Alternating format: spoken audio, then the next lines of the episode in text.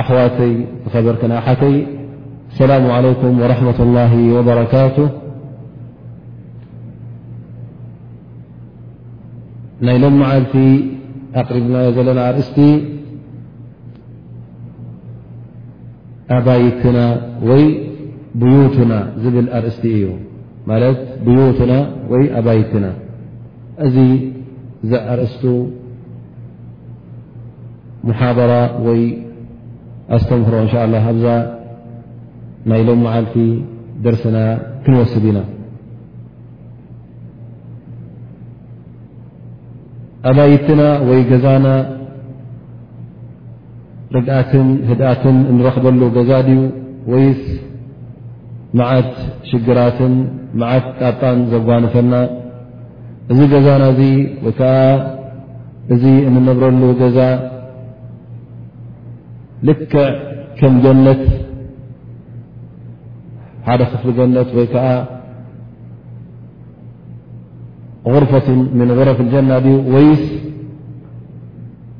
غረፍ ምን غረፍ ጀሃነም ማለት ሓደ ክፍሊ ካብ ናይ ጀሃንም እዩ እዚ ገዛውትና ወይ ዓ እዚ ኣባይትና ሚናራ ናይ ፍልጠትን ናይ ተቕዋን ናይ ሓበሬታ ወይ ከዓ ናይ ሁዳ ድዩ ወይስ እዚ ገዛና እዚ ሚናራ ናይ ጥፍኣትን ናይ ክሕደትን እዩ ከመይ ጌርና ከ ነዚ ገዛ እዚ ኣብቲ ቅኑዕ መስመር ናይ እስልምና ነትሕዞ ከመይ ጌርና ከ ነዚ ቤተሰብ እዚ ኩሉ ኣብ ክንዲ ማዕስያን ክሕደትን ዝመልኦ ቤት ፍርሃት ረብን ተቕዋን ዝመልኦ ቤት ኮይኑ ኩሉ ግዜ ብደስታን ብሓጎስን እንነብረሉ ገዛ ይኸውን ዝኾነ ይኹን ዝኾነት ስድራ ኩሉ ግዜ ኣብ ሓደ ገዛ እያ እትነብር እዚ ገዛ እዚ በቢ ዓይነቱ ሰባት ን ንረኽበሉ ማለት እዩ ዓብ ሰብ ትረኽበሉ ንእሽተይ ቆልዓ ትረኽበሉ ዋንሰይቲ ላቶ ተባዕታይ ኣሎ ዝተማህረን ዘይተማህረን ቁሩብ ፍልጠት ዝወሰደን ፍልጠት ውን መንጎ መንጎ ዝኾነ በቢ ዓይነቱ ሰባት ክረኽበሉ እዚ ገዛ እ ኣቦ ኣደ ሰበይትኻ ወይ ሰብኣይቲ ከምኡ ውን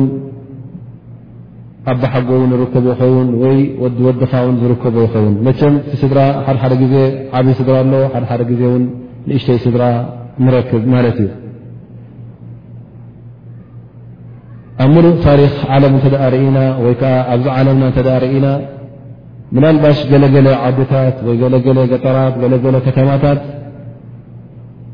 ናይ ሕክምና ትካል ኣይትረክበሉን ወይ ቤተ መንግስቲ ኣይትረክበሉ ናይ ፖሊስ ጣብያ ኣይትረክበሉ ወይ ገለ ዓይነት ድርጅት ዝጎደሎ ኣይሰእንን እዩ ኩሉ እውን ዘይብሉ ትረክ ኣብቲ ሃገረሰብ እተ ከድካ ስብዳለይ ትረክብ ማለት ምስተሽፋይ ትረክብ ወይ ከምኡ ውን ካልእ ናይ ቤተ መንግስቲ ድርጅት ትካል ኣይትረክብ ብዙሕ ዓይነታት ዝገደሮ ፀንሓካ ግን እታ ቀንዲ ድርጅት እታ ቤተሰብ እትበሃል እታ ስድራ ቤት እትበሃል ኣብ ሓደ ገዛ ኮይና ምስ ኣቦኣ ምስ ኣዲኣ ምስ ውላዳ ኮይና እትነብረሉ ገዛ ትረክብ እዚ ድማ እንታይ ማለት እዩ? እታ ቀንዲ ናይዚ ሕብረተሰብና መበቆል ካበይ ትጅምር? ካብታ ስድራ ካብታ ቤተሰብ እያ እትጅምር። ስለዚ እዛ ንእሽተይ ትካል እውን እስልምና ብዓብዪ ኣገዳስነት ገይሩ ከም ዝጠመታ ኣብ ክታብ ረብን ኣብ ሱና ነብን ክንዕዘብ ኢና። ኣላ ስብሓን ወተላ ብዛዕባ ናይ ቤተሰብ ኣብ ሓንቲ ቤተሰብ ወይ ናይ ገዛ ናይ ቤትካ እንታይ ዓይነት ፍልይ ዝበለ ሕጊን ፍልይ ዝበለ ገደባትን ገይሩሉ እዩ ምኽንያቱ እዛ ንእሽተይ ትካል ወይ ከዓ እዛ ንእሽተይ ድርጅት ልክዕ ከም ሓንቲ ድርጅት ብመራሒ እትኸይድ መራሒ ኣለዋ። ካልእ ሰብ ክኣትዋ እንተ ኮይኑ ብዘይ ፍቓድ እቲ መራሒ ክኣትዋ ከም ዘይብሉ፣ እቲ ኣብዛ ውሽጢ እዛ ትካል ዘሎ እውን እቲ ዝግበር ነገራት ኣብ ቅድሚ ዓይኑ ክኸውን ከም ዘለዎ ኣብ እስልምና ንሪኦ ኢና።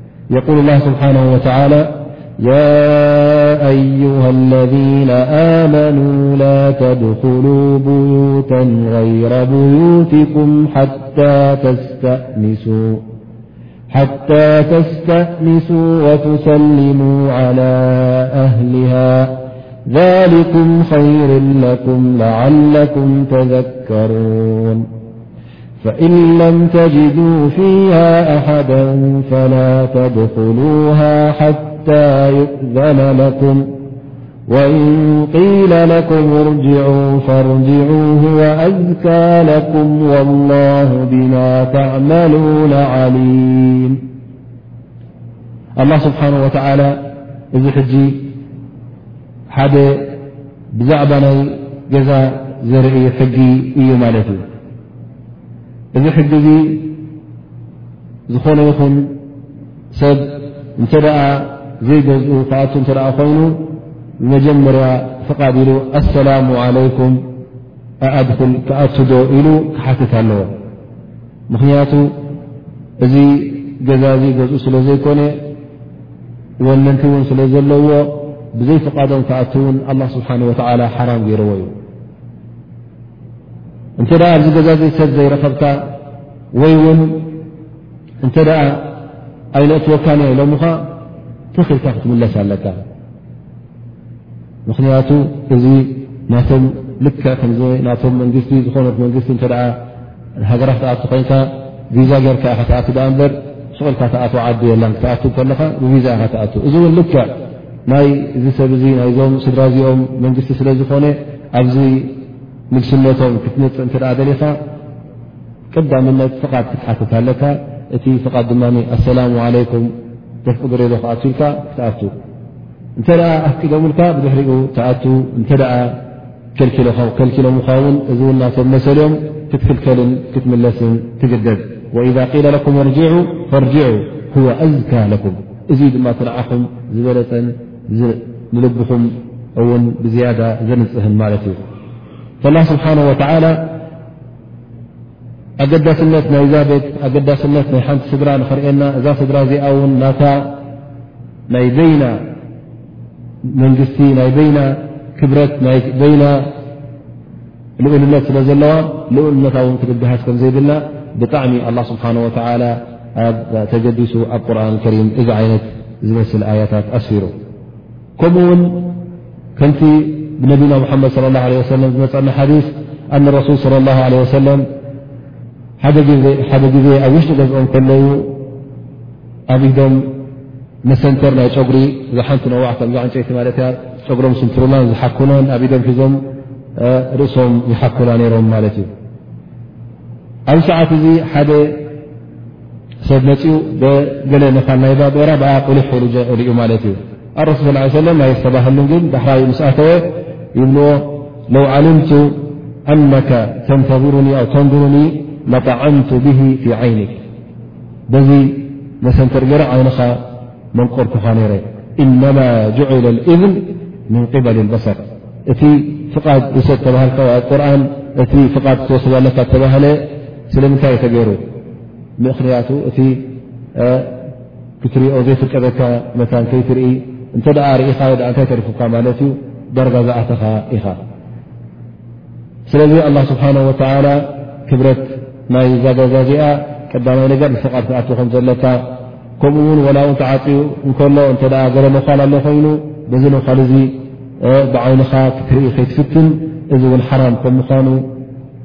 ነቢና ሙሓመድ صለ ላه ለ ወሰለም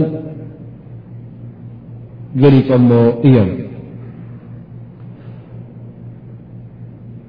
ከምኡ ውን እንተ እዚ ሰብ እዚ ዓይኑ እተ ኣንቂርካዮ ንኣብነት እዚ ሰብ እዚ ኣብ ገዛካ መፅኡ ብጩራ ክቅልቀል እተ ርኢኻዮ ንስኻ ውን ምስ ረኣኻዮ እንታይ ኣምጪዎ ኢልካ እተ ኣንቂርካዮ እንተ ቤት ፍርዲ ቀሪብኩም እዚ ሰብ እዚ ጋር የብሉ ካሕሳ የብሉን እተ ዓይኑ ነቒራ ላ ውን ብሰበባ ብሰንካ እተ ዓይኑ ምስ ሃረምካዮ ብኣ ውን እተ ሞይቱ እዚ ሰብ ዚ ጋር የብሉን ምኽንያቱ እሱ መጀመርያ ሕጊ ስለ ዝገሃሰ እቲ ኣላ ስብሓን ወተዓላ ዝወሰኖ ደረት ንዕኡ ስለ ተሳገረ እቲ ቀንዲ በዓል ጌጋ እሱ ስለ ዝኾነ ጋርን ወይ ካሕሳ ክጠልብ እቲ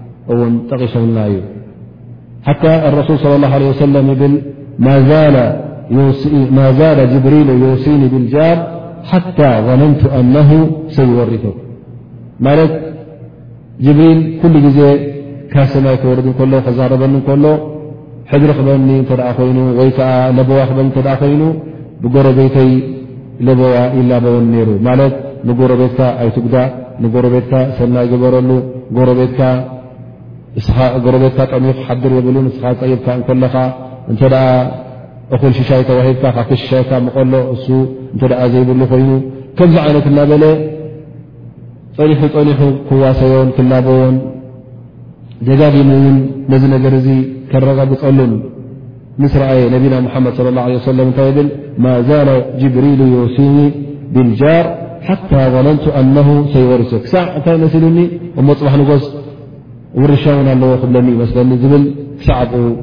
ዝበፅሕ እቲ ሓሳበይ ኮይኑ ምኽንያቱ እዚ ኩሉ ወስያታት ካብ መፀ እሞ ፅባሕ እውን ልክዕ ከም ስድራ ቤተይ ኮይኑስ ከም ሰበይተይ ከም ወደይ ከም ኣሕዋተይ ውርሻ ኣለዎ ካብቲ እትገድፎ ገንዘብ ክንዚ ውርሻ ግደፈሉ ክሳዕ ክንዚ እውን ክበፅሕ ኢለ ሓሳብ ኣትኒ ነይሩ ይብል ነቢና ሙሓመድ ለ ላ ለ ወሰለም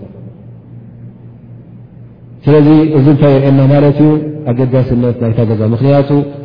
ጎረቤትካ እንተ ብኡ ተገደስ ትበሃል ኮንካ ጎረቤትካ እንተ ጥዑይ ኮይኑ ወይ ጥዑይ ዘይኮነ ንዓ ክጎድኣካን ንስ ክትጎድኦን እተ ዘይፍቀጠካ ኮይኑ እንታይ ማለት እዩ እስኹም ክልጥኹም ከም ሓንቲ ስድራ ዳርጋ ስለ ትቁፀሩ ከምኡ ውን እተኻ እታ ስድራኻ ንበይና ናታ ክብርን ናታ ልኡነትን ስለ ዘለዋ እዚ ጎረቤት እዚ ንዓኻ ነቲ ልኡልነትካ ከይግህስ እስኻ ድማ ነዚ ጎረቤት እዚ ብዙሕ ዕድል ስለ ዘለካ ምክንያቱ እስኻ መዓስ ከም ዝኣቱ መዓስ ከም ዝወፅእ ትፈልጥ ኢኻ መዓስ ከም ዝገሸ መዓስ ከም ዘይገሸ ዝኾነ ይኹን ጉድኣት ከተውርደሉ እተ ደሊኻ እቲ ጎረቤት ኩሉ ነገራትካ ስለ ዝፈልጥ ነቲ ጎረቤት እቲ ጎረቤት ነቲ ጎረቤት ክገድኦ ይኽእል እዩ ስለዚ ብዛዕባ ጎረቤት ሕጂ ነቢና ምሓመድ ስለ ላ ለ ወሰለም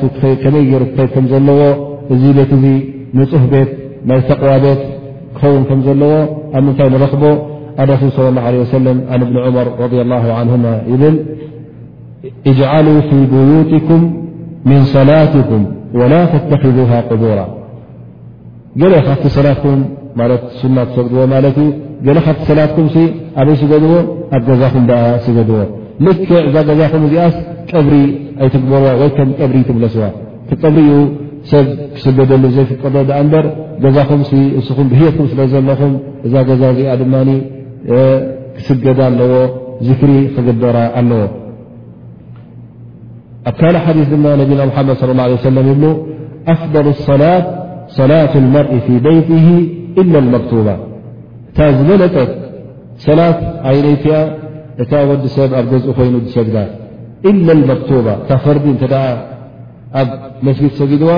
ዝኾነት ሱና ኣብ ገዝእሉ ክሰግዳ እሳ እያታ ዝበለፀት ሱና ናይ ፈጅሪ ኮይኑ ሱና ናይ ظህሪ ሱና ናይ መغሪብ ናይ ኣልዒሻ ሰላት ሌል ሰላት ኣዱሓ እዚ ኩሉ እቲ ዝበለፀ ኣብ ገዛኻ ክሰገድካዮ እዩ ፈርዲ ኣብ መስጊድ ትሰግዶ ከም መጠን ወተባዕታይ ሰብኣይ ስለ ዝኾንካ ጓል ንሰይቲ ግን ናብ ገዝኣ ትሰገደቶ እዩ እቲ ዝበለፀ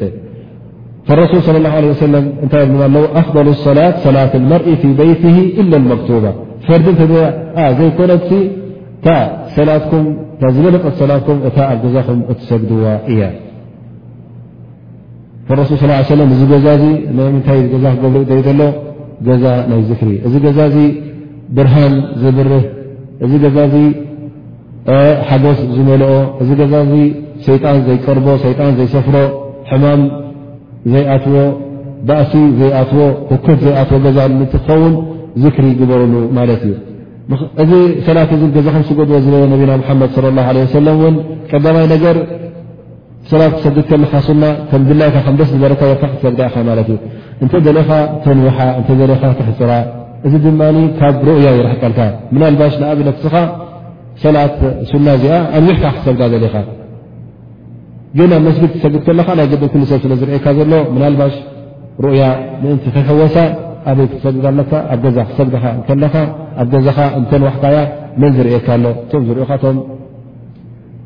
ኣቦኻ ኣዴኻ ቶም ውሽጢ ገዛኻ መተንሲኦም ማ ዓርዞም ፈልጡካ እዮም ስኻ በዓል ሰር ምኳንካን ዘይ ምኳንካን ግን ከምድላይ ካብ ገዛኻ ትሰግዳ ኣለኻ ማለት እዩ ካብ ሩእያ ትርሓቕ ኣለኻ ከምኡ ውን ካልኣይ ረብሓ ድማ ናይዚኣ እቶም ኣብ ገዛ ዘለዉ ሰበይትኻ ትኹን ኣሕዋትካ ደቅኻ ካባኻ እቲ ኣሰጋግዳ ይመሃሩ ማለት እዩ ስኻ ክሰግድ ክርኢኻ ከለዉ እታ ሰላት ትስገድ ምዃና ከመይ ጌርካ ከም እትስገድ እውን ካባኻ ግብራዊ ትምህርቲ ይወስዱ ምኽንያቱ ዝኾነ ይኹን ዓይነት ትምህርቲ ብግብሪ ክግለፀልካ እንከሎ ዝያዳ ኢኻ ትርድኦ ግን ኣብኡ ከሎ ጥራይ ከም ከምዝን ከምዝን ግበር እንተ ተባሂልካ ገለ ክትክብደ ትኽእል ኢኻ ገለ እውን ምናልባሽ ክትስሕቶ ስለ እትኽእል ሓደ ካብቲ ጥቕምታት ናይዚ ድማ እንታይ ፋይዳ ኣለዎ ማለት እዩ ትፋይድኡ እቶም ኣብ ገዛ ዘለዉ ምናልባሽ እተን ደቂ ኣንስትዮ ዕድል ኣይረኸባን ኾና ክመሃራ ሰብ ክሰግድ ክሪያ ወይ እውን እቶም ናእሽቱ ቆልዑት ገና ናይ ሰላት ዕድሚ ከይበፅሑ ከለዉ እቲ ዝሰጋግዳኻ ክርኢ ከለዉ ምናልባሽ እውን ኣብ ጥቓኻ መፅኦም ዝሰግዱ እንታይ ይገብሩ ኣለዉ ማለት እዩ ሰብ ሕጂ ከይተፈለጠካ ተምህሮምን ከመይ ገሮም ከም ዝሰግዱን ሰላት እውን ኩሉ ሰብ ክሰግድ ከም ዘለዎ ዝዓበየ ዝነእሰ ይርድኡ ኣለዉ ማለት እዩ ከምኡ ውን ኣብ ርእሲኡ እቲ ገዛ እንተ ዚክሩላ ቁርን ንስኻ ክትሰግድ ከለኻ ሕጂ ኩሉ እቲ ትሰግድ ከለኻ እትብሎ ቁርን ትቐርእ ኣላ ኣክበር ትብል ዚክሪ ትገብር ኣተሕያ ትገብር ከለኻ እዚ ኩሉ ዚክርላ ስብሓን ወተላ ስለ ዝኾነ እዚ እውን ንሸያጢ ንሰጎልካ ማለት እዩ ልክዕ እቲ ገዛኻ ከም ቤይትላ ተመሳሲሉ ማለት እዩ ቤይትላህ ዝተባህለ እዚ ስለምንታይ እዩ ኣላ ስብሓ ወ ኣብ ዝሰፍር ማለት ኣይኮነን እንታይ ደኣ እዚ ቦታ እዚ ጥራይ ናይ ዝክሪ ኣላ ኣክበር ኢልካ ትሰግደሉን ቁርን ትቐርኣሉን ዕልሚ ትዕለመሉን ሰናይ ተግባራት ዝግበሮም ቦታ ስለ ዝኾነ መስጊድ ንፁህ ቦታ ቤይትላህ ተባሂሉ ተሰምዩ ንስኻ ውን ከምቲ ኣብ መስጊድ ትገብሮ ነገራት እተ ከምኡ ዓይነት ባህርያት ኣብ ገዛኻ ኣርኢኻ እቲ ገዛኻ ውን መስጊድ ይመስል ኣሎ ማለት እዩ ቤይትላ ክመስል ኣሎ ማለት እዩ ቤይትላ እተ ኮይኑ ድማ ሸይጣን ክስጎብ እዩ ከምኡ ውን እቲ እስልምና በዛ ቤት እዚኣ ወይ ከዓ በዛ ስድራ እዚኣ ብጣዕሚ ይግደስ ከም ምኳኑ ኣብ ቤትና ውን ቁርን ንክንቀርእ ተኣዚዝና ኢና ከምኡውን ካብ ነቢና ሓመድ ለ ላ ሰለም ሓበሬታ መፅና እዩ عن أبي هريرة رضي الله عنه اقال رسول الله صلى الله عليه وسلم لا تجعلوا بيوتكم مقابر فإن الشيطان ينفر من البيت الذي تقرأ فيه سورة البقرة اله اننبينا محمد صلى له عليه وسلم بلو جزاوتم لكع كم مقابر تكبرو ن ሸይጣን ካብ ሱረት በራ እትቕረኣ ቤት ይሃድም ስለ ዝኾነ ሱረት በራ ኣ ርሉ ርኡሉ ኢኹም ስለዚ ገዛኻ እዚ ገዛኻ እንተ ሸጣን ከይሰፍሮ ሸጣን ከይኣትዎ ትደሊ እተ ኣለካ ኮንካ ቁርን ክትቀርእ ኣለካ ብዝያዳ ድማ ከምቲ ኣብዚ ሓበሬታ ዝሰማዕናዮ ሱረት በራ ትቐርእ ኣለዉ ብዙሓት ሰባት ምናልባሽ ምስ ስድራ ቤቶም ኩሉ ግዜ ባእስን ባንከራን ይርከብ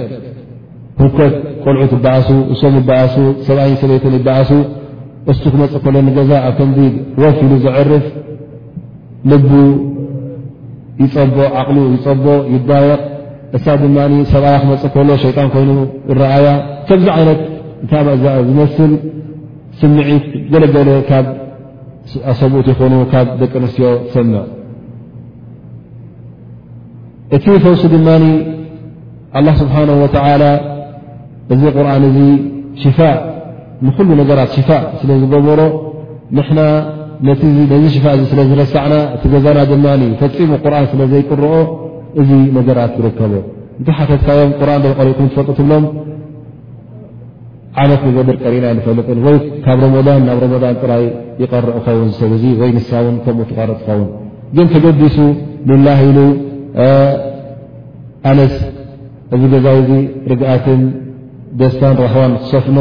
ቁርን መዓልታዊ ቀርኣሉ ኣለኒ ሱረት በቀራ ቀርኣለኒ ተገዲሱ ዝቀርእ ሰብ ውሑድ እዩ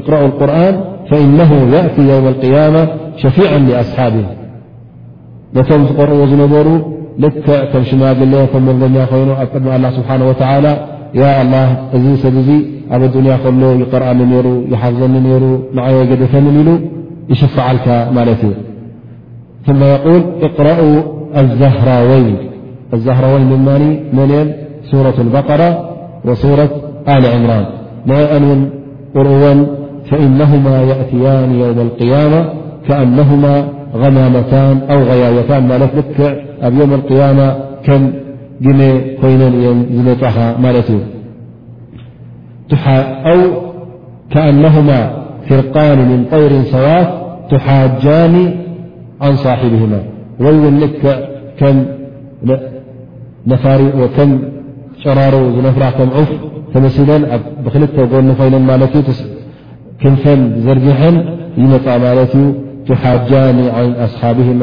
ማለት ነቶም ዝቐርዎን ዝነበሩ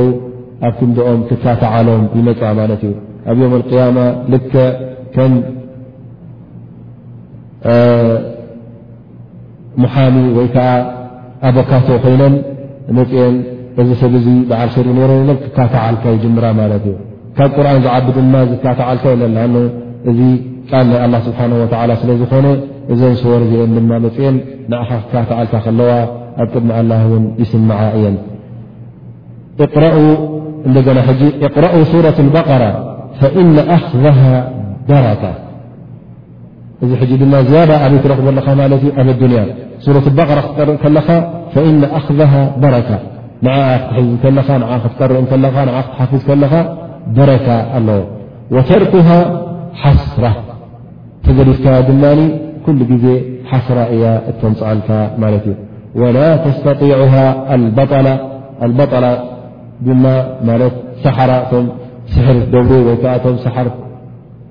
ትን ሰራይትን ድማ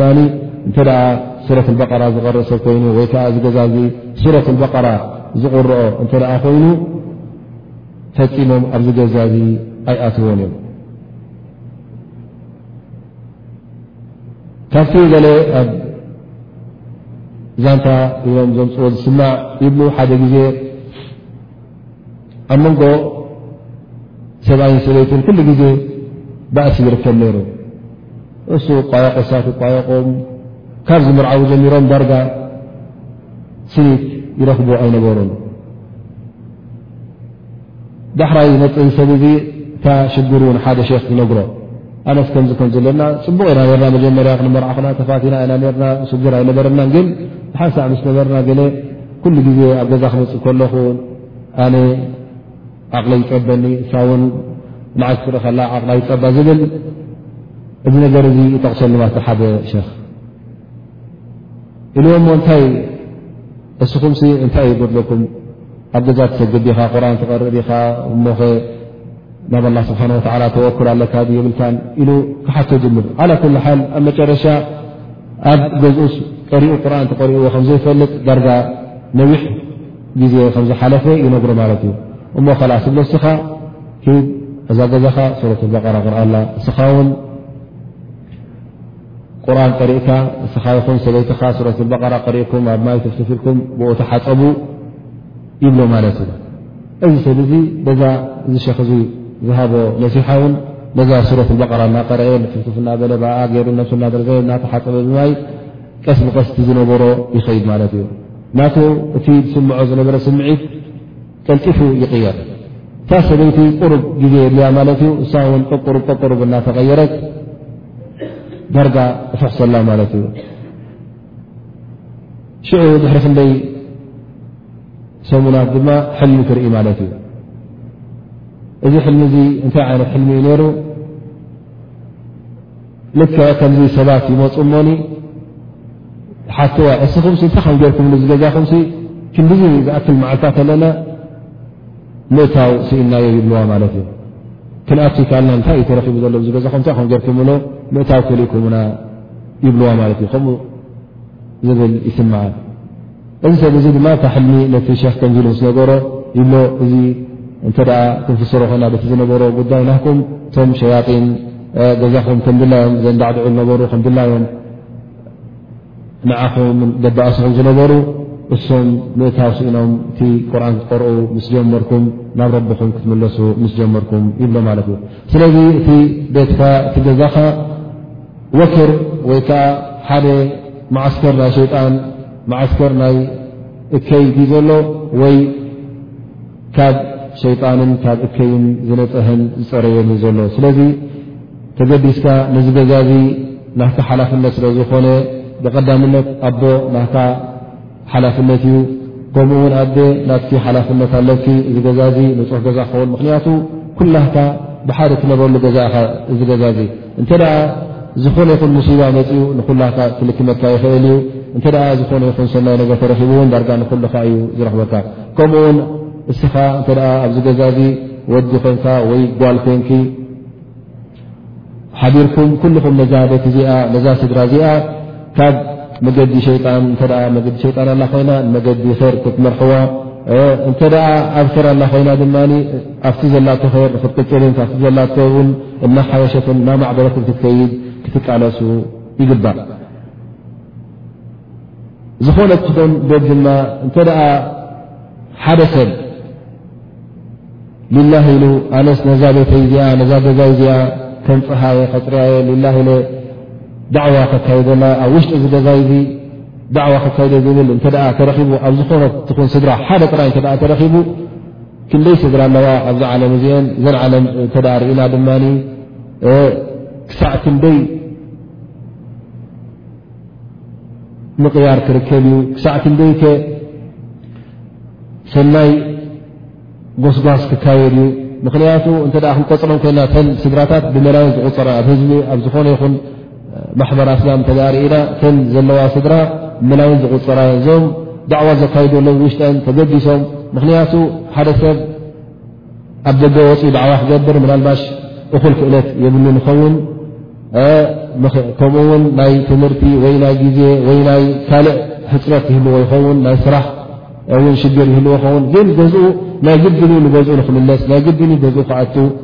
ኣብ ገዝኡ ኣት ውን ዘዕርፈላ ቦታ ዘላ እሳ እያ እዛ ዘዕርፈላ ግዜ ገዛ እተ ክጥቀመላ ሓሳብ ኣለዎ ኮይኑ ከም ሓደ ሰብ ነዛ ቤተሰብ እዚኣ ነዛ ገዛ እዚኣ ካብቲ ዘላቶ ዓዘቕቲ ናብ ሰናይ ክመርሓዮ ዝብል እንተ ተረኪቡ ብዙሕ ኣብ ህብረተሰብ ኣስላም ምቕያር ምተረኸበ ነይሩ እስኻ ከምቲ ዝበልናዮ ኣብዚ ስድራ እዚ ሓደ ኣካል ኢኻ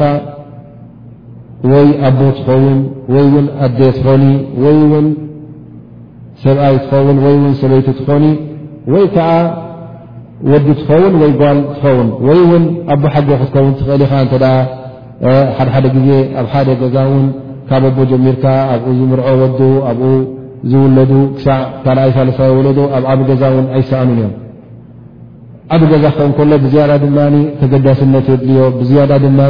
ጎስጓስ የድልዮ እስኻ ኣብዚ ገዛ እዚ ሓደ ኣካል ስለ ዝኾንካ ምስቶም ኣብኡ ዘለዉ ድማ ናይ ስጋ ምትእስሳር ስለ ዘሎ ብሓደ ስለ ዝዓበኻ ውሱን ፍቕሪ ስለ ዘሎ መንጎኹም እስኻ ወይ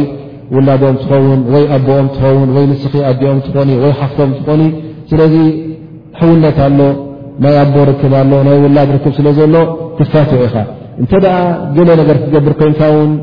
ተቐባልነት ክትረኽበሉ ትኽእል ኢኻ ክትቅይር እተ ኮንካ ክትመክር እተ ኮንካ እተ ዕድል ረኺብካ ወይ ከዓ ንስኻ ውን ንያ እተ ኣለካ ኮይኑ ክትቅይር ኣብዚ ስድራ እዚ ብዙሕ ምቅያር ከተምፅእ ትኽእል ኢኻ ስለዚ እታ መጀመርያ እተ ናይ ዳዕዋ መገዲ ር ክንመርሕ ድልት ኣለና ኮይኑ ብሄን ክንጅምር ኣለና በታ ስድራ ቤትና በቲ ውሽጢ ገዛና ክንጅምር ኣለና ናህና እመት እስላም እተ ርእናያ እዚ ማሕበረ ስላምና ና ኩሉ ኣስላማይ እተ ርእናዮ እስላማዊ ማሕበረሰብ ክገብር እስላማዊት መንግስቲ ንክነድቕ ወይ ከዓ ንክእስስ ወይ እስላማዊ ናብራ ንክነብር ብዙሕ ሃንቀውታ እዩ ዘለዎ ግን እዚ ሃንቀውታ እዚ ሃንቀውታ ጥራይ ኮይኑ ይተርፍ እንተ ትቐንዲ ነገር እታ ቀዳመይቲ ስጉምቲ ካብ ቤትና ክንጅምራ ከም ዘለና እተ ረሲዕና ብዙሓት ካባና ድልት ኣለዎም ይኸውን ፅቡቕ ናብራ ናይ እስልምና ናብራ ክነክነብሩ እቲ ህወቶም ኩሉ ብናይ እስልምና መምርሒ ብክታብ ቁርን መምርሒ ብሱና ነቢና ሓመድ ለ ሰለም ብናቶም መምርሒ ክከይድ ድልት ኣለዎ ግን እንታይ ይርስዕ እሱ ብቀዳምነት ነታ ነብሱ ዕርዩ ነታ ስድራ ቤቱ ውን በዚ ቀይዲ እዚ ወይ ከዓ በዚ ክታብ እዚ ክታብ ኣላ ስብሓን ወተላ በዚ ስና ነቢ ብኡ ገይራ ክትከይድ ከም ዘለዋ ይርስዕ ብኣ ውን ኣይጅምርን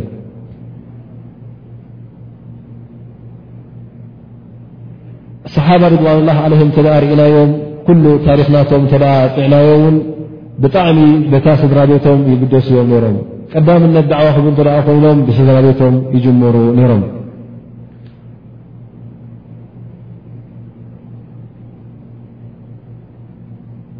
ብዙሓት ሰባት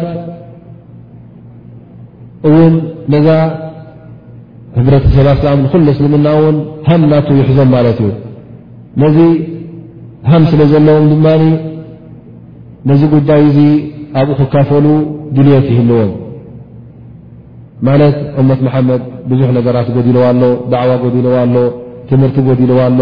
እዚ ኩሉ ነገር ክዕረሉ እዩ ይዛረብ ንሰብ ክርኢ ወይ ከዓ ንሰብ ክብርህ ወይ ከዓ ንሰብ ክመርሕ ወይ ንሰብ ዳዕዋ ክህብ ድልት ይህልዎ ግን እንታይ ጌርካ እተ ኢልካዮ ድማ ምንም ከይገበረ ትረኽቦ ጥራይ ዘረባ ወላ እውን ኣብታ ውሽጢ ገዝኡ እውን ከየዐረየ ትረኽቦ ገዛ ንገዛእ ርእሱ እቲ ውሽጢ ገዝኡ መዓት ፈራስን መዓት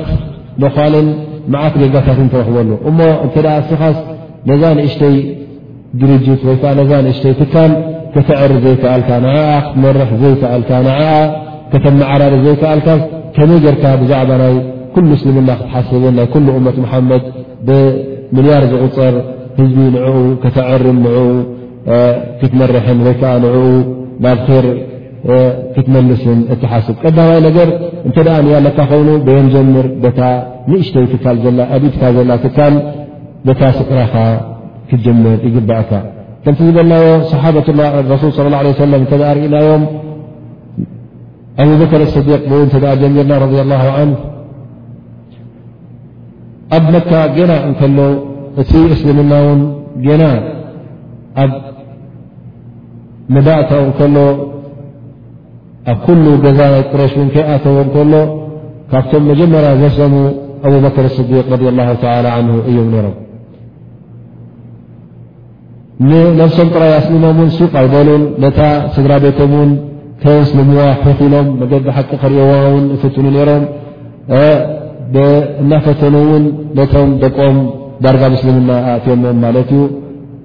ቀስ ብቐስ እናበሉ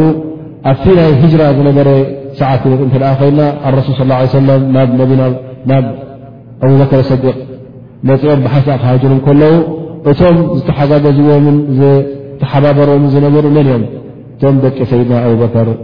ረድ ላ ን ኣዋልደን ይኹና ኣወዳቶም ይኹኑ ኩሎም ንነቢና መሓመድ ለ ላ ሰለምን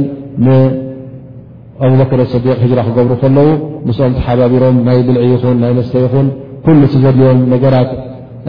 ኣዳልዮምሎም ነይሮም ብድሕሪኡ እውን ክሳዕ ካብቲ ኣትዮሞ ዝነበሩ በዓቲ ኣብ ርኣብ ጋር ፎር ካብኡ ክሳዕ ዝወፁ እውን ኣስማ ረድ ላ ዓንሃ ብኣብ መጀመርያ ስንቆም ሂባቶም ድሕሪኡ እውን ትሰደሎም ነይራ ማለት እዩ ስለዚ እታ ስድራ እውን ዳዕዋ ስለ ተዋህበት ከምዚ ዓይነት ፍርያት ኣፍርያ። ከምኡም ቶም ካልኦት ሰሓበቱ ነቢ ስለ ላ ሰለም ዑመር እብን ኸጣብ እተዳርእና ተርብያ ናይ ስድራ ቤቶም ገዲሶም ስለ ዝነበረ ከም ዓብዱላ ዓብዱላ ብን ዑመር ዝኣመሰለ ሓደ ዓልም ሰሓቢ ካብቶም ውሩያት ኣስሓብ ነቢ صለ ላه ለ ወሰለም ኣፍርዮም ማለት እዩ እሱ ን ድሕሪ ክለፋ ኣራሽዲን ዳርጋ ብብዙሓት ኣስሓብ ነቢ صለ ላه ለ ወሰለም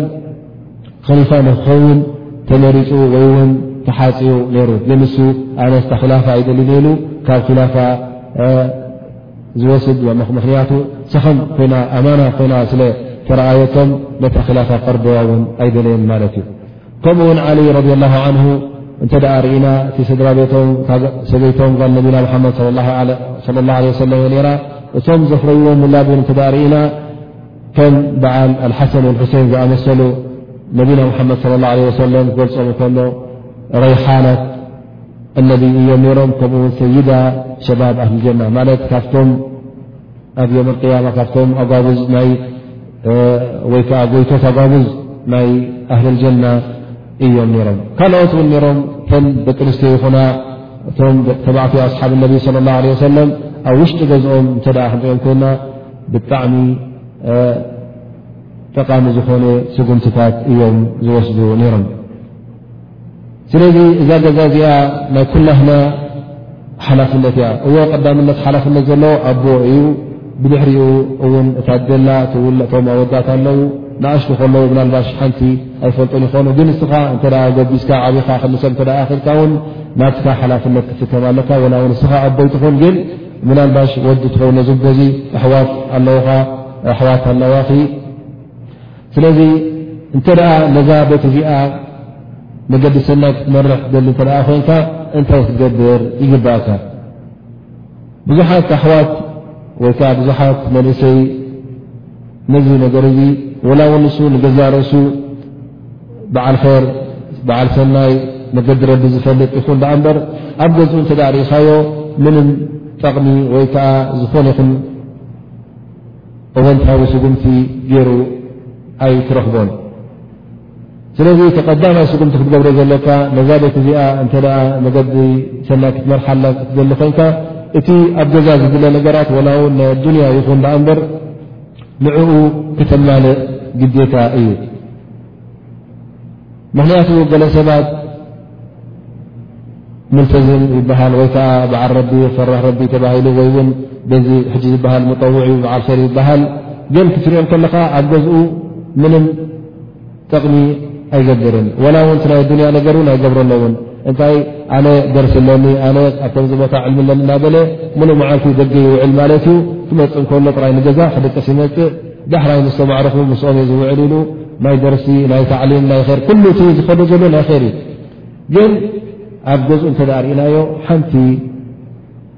ሰናይ ነገር ከወፊ ኣይንረኽቦን ማለት እዩ ዳሕራይ እንቲ ሓተትካዮ እንታይ ይብል እዞም ስድራና እዚኦም ምስ መዓብዮምና እዞም ስድራና እዚኦም ኩሉ ግዜ ገዛና ሙንከር ምልእዎ እዩ ኩሉ ግዜ ገዛና ከም ዘለዎ ኢሉ ሕጂ ክዛረብ ትረኽቦ ግን ብሓቂ ስኻ ከንታይ ጌርካ እተ ኢልካዮ እንተ ክገብር ኮይኑ ትእዛዝ ኣመሓላልፍኹም ከምዚ ስለምንታይ ትገብሩ ከምዘ ትግበሩ ኢሉ ነዚ ኣይለዋ ይወፅእ ግን እንተ ስኻ ናይ ብሓቂ ሃም ኣለካ ኮይኑ ሓሳብ ኣለካ ኮይኑ ናይ ዳዕዋ ሓሳብ ኣለካ ነዛ ቤት እዚኣ ከተመዓራርያ ደሊ እተ ኣለካ ኮይንካ ቀዳማይ ነገር እቲ ገዛስ እንታይ የድልዮ እንታይ የድልዮ ክትፈልጥ ኣለካ ወላ እውን ኣብቲ ናይ ኣዱንያ ነገር እውን ክትካፈል ኣለካ ኣዴኻ እንታይ እንታይ የድልያ ኣቦኻ እንታይ እንታይ ክትሕግዞም ኣለካ ሓውኻ እንታይ እንታይ ክትሕግዞ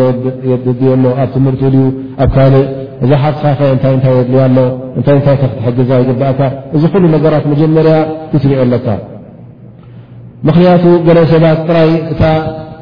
ናይ ጓል ንስተይቲ ኣብ ደገ ክትወፅ የብላን ክትሕጀብ ኣለዋ ንዓ ጥራይ ኣቕኒዑ ተሓጀቢ ካብ ገዛ ትውፅእ ይብል ግን እተ ንዓሞ እተ እዚኣ ተልየንላ ንፃለ ተበለቶ ኣብ ገዛው ክረኽቦን ማለት እዩ እውን ነዚ ውን ነገር እውን ኣይገብርን ስለዚ እሱ ጥራይ ትእዛዛት ከመሓላል ዝዘሊ እተ ኮይኑ ተቐባልነት ኣይክረክብን እዩ ከምኡ ውን እተ ጓል ንስተይቲ ኮይና ንበላ እሳ ውን እተ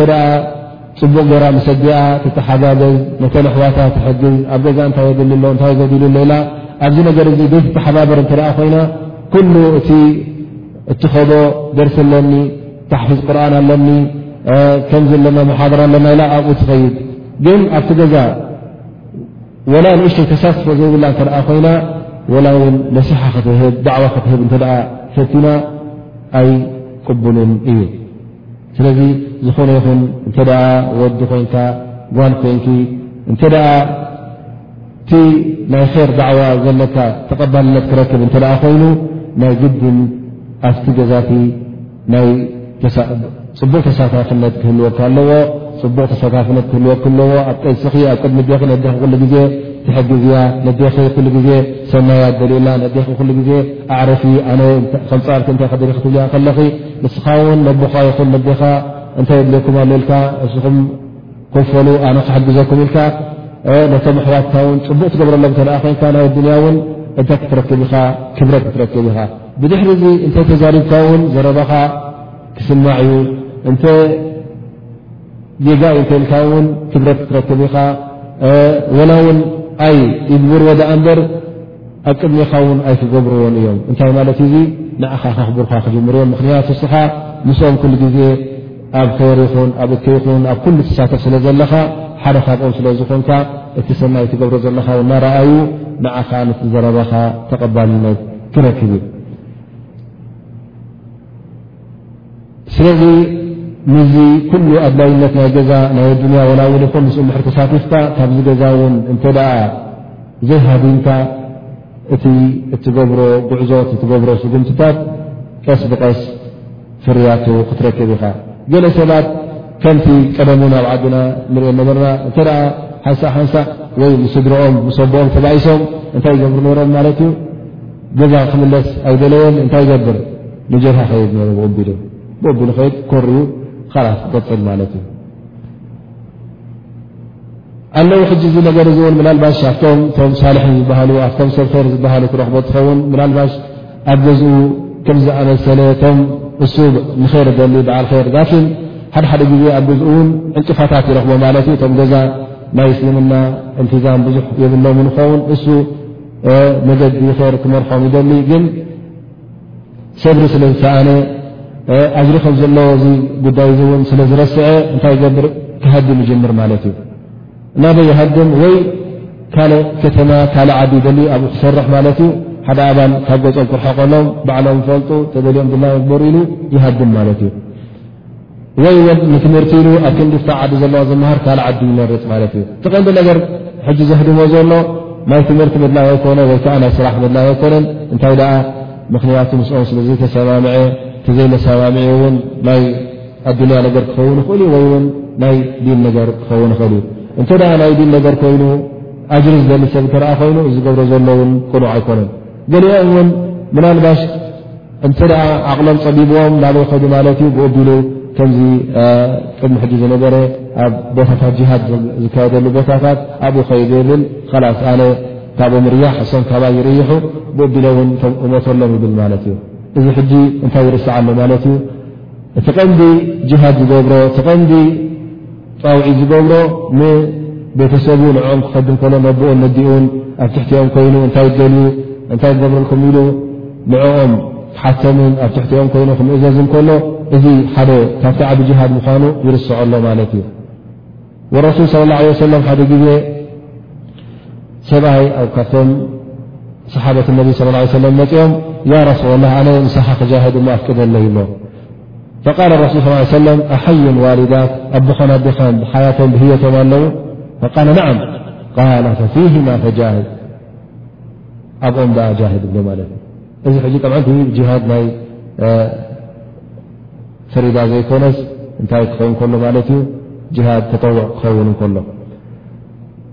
ረሱል ስ ለ ሰለም እቲ ክብሪ ናይ ወለዲ ኣብ ዘየርእካ ማለት እዩ እቲ ትደልዮ ዘለካ ኣጅሪ ምስኦም ኣሎ ኣብ ትሕቲኦም ኣሎ ነቦኻን ነዴኻን ንኦም ትቐንዲ ነቦኻን ነዴኻን ተቐርበሎም ጥራይ ናይ ኣዱንያ እውን ኣይኮነን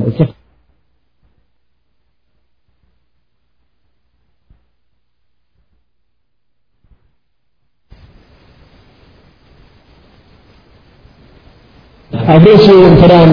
ኣቦኻ ወይ ኣዴኻ መገዲ ሓቂ ዝሰሓት እተ ኮይኖም ገለገለ ጌጋታት ኣለዎም ኮይኑ ገለ ናይ ሸቲ ይኹን ገለ ናይ ማእስያ ዝገብሩ እተ ኮይኖም ነዚኦም ካብ መገዲ እከይ ክተውጽኦም ካብ ሓዊ ጀሃነም ከተርሕቆም ንመገዲ ሓቂ ክትመርሖም ከለኻ እቲ ዝዓበየን ኣዝዩ ዝገዘፈን ኣጅሪ ትድልብ ኣለኻ ማለት እዩ ምኽንያቱ ካብ ኣቦኻን ካብ ኣዴኻን ዝቐርቡኻ የብልካን ከምኡ እውን ኣብ ነቢና صለ ላه ለ ወሰለም ሓደ ግዜ ውን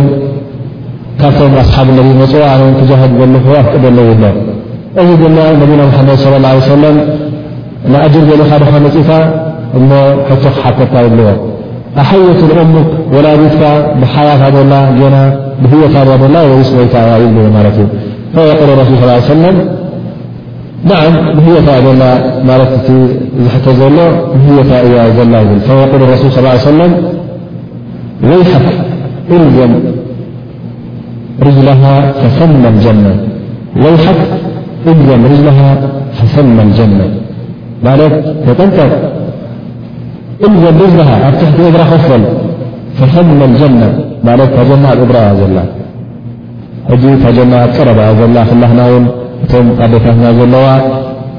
ብታጀና ኣብታ ዕብረ ስላ ዘላ ቀዳምነት ኣብ ክንዲስኻ ምኻነ ናይ ዳዕዋ ዘገበርኩ ንልላህ ከምዚ ዘገበርኩካ ብዙሕ ነገራት ትሓስብ ትኸውን ግን እቲ ኣብ ውሽጢ ገዛኻ ዘሎ ኣብ ውሽጢ ቤትካ ዘሎ ቀዳምነት ንዑ ክተማልእ ከለኻ እታ ዝቀረበት ጀና እውን ኣብ ትሕቲ እግሪ ዲኻ ስለ ትረኽባ ቀዳምነት ነዴኻ ትብላ ድያ በብኻ ሰናይ ክትገብረላ ልብኻ ትደልዮ ዝጎደላ ነገር ክትምልኣላ ኣብ ርእሲኡ ድማ እቲ ዓቢ ግድለት ናይ ዲን ግድለት ኣለዋ እንተ ኮይኑ ዘይትፈልጥ እተ ኮይና ከተፍልጣ ሰጊዳ ዘይትፈል እተ ኮይና ከመይ ገራ ከምትሰግድ ክተርእያ ካልእ ነገራት ገዛታት ኣለዋ እተ ኮይኑ ከመይ ከመይ ገራ ጠባያ ከም ትዐሪ ከመይ ከመይ ገይራ መገዲ ረቢ ከም ትሕዝ ንዓኣ ድማ ቀስ ብቐስ ክተምህራን ክተፍልጣን ከለኻ እዚ እቲ ዝዓበየ ኣጅሪ እዩ።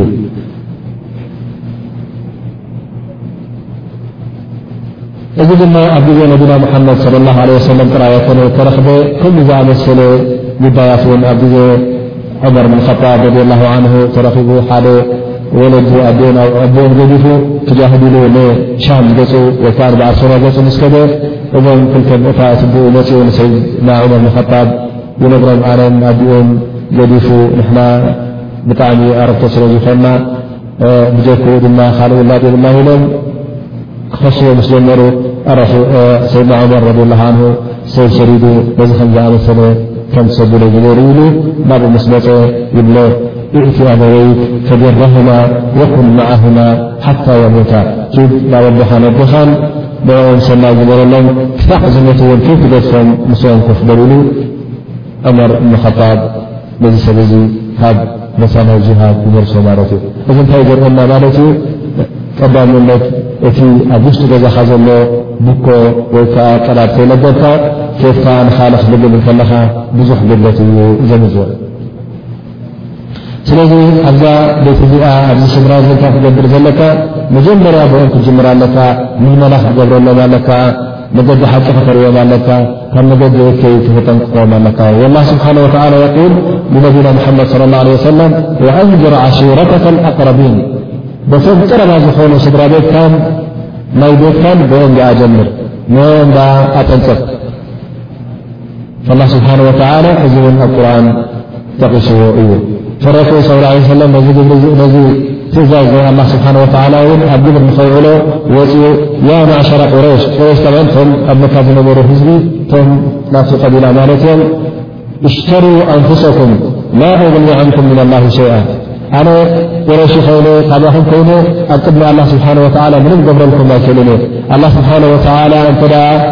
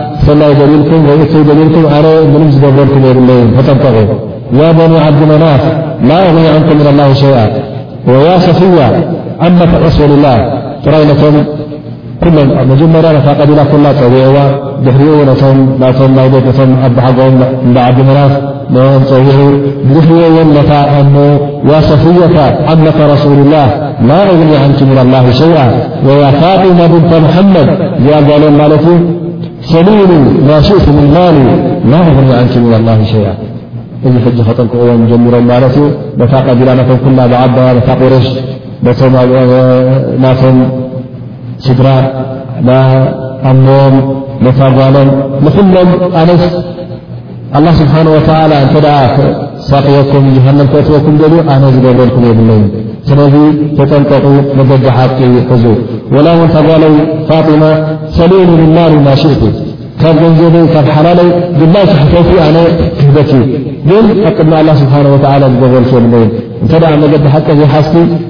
ኣላ ስብሓን ወላ ንልእምንቲ መሓመድ ኢሉ ንዓኺ ኣይትምሕረትን እዩ ምክንያቱ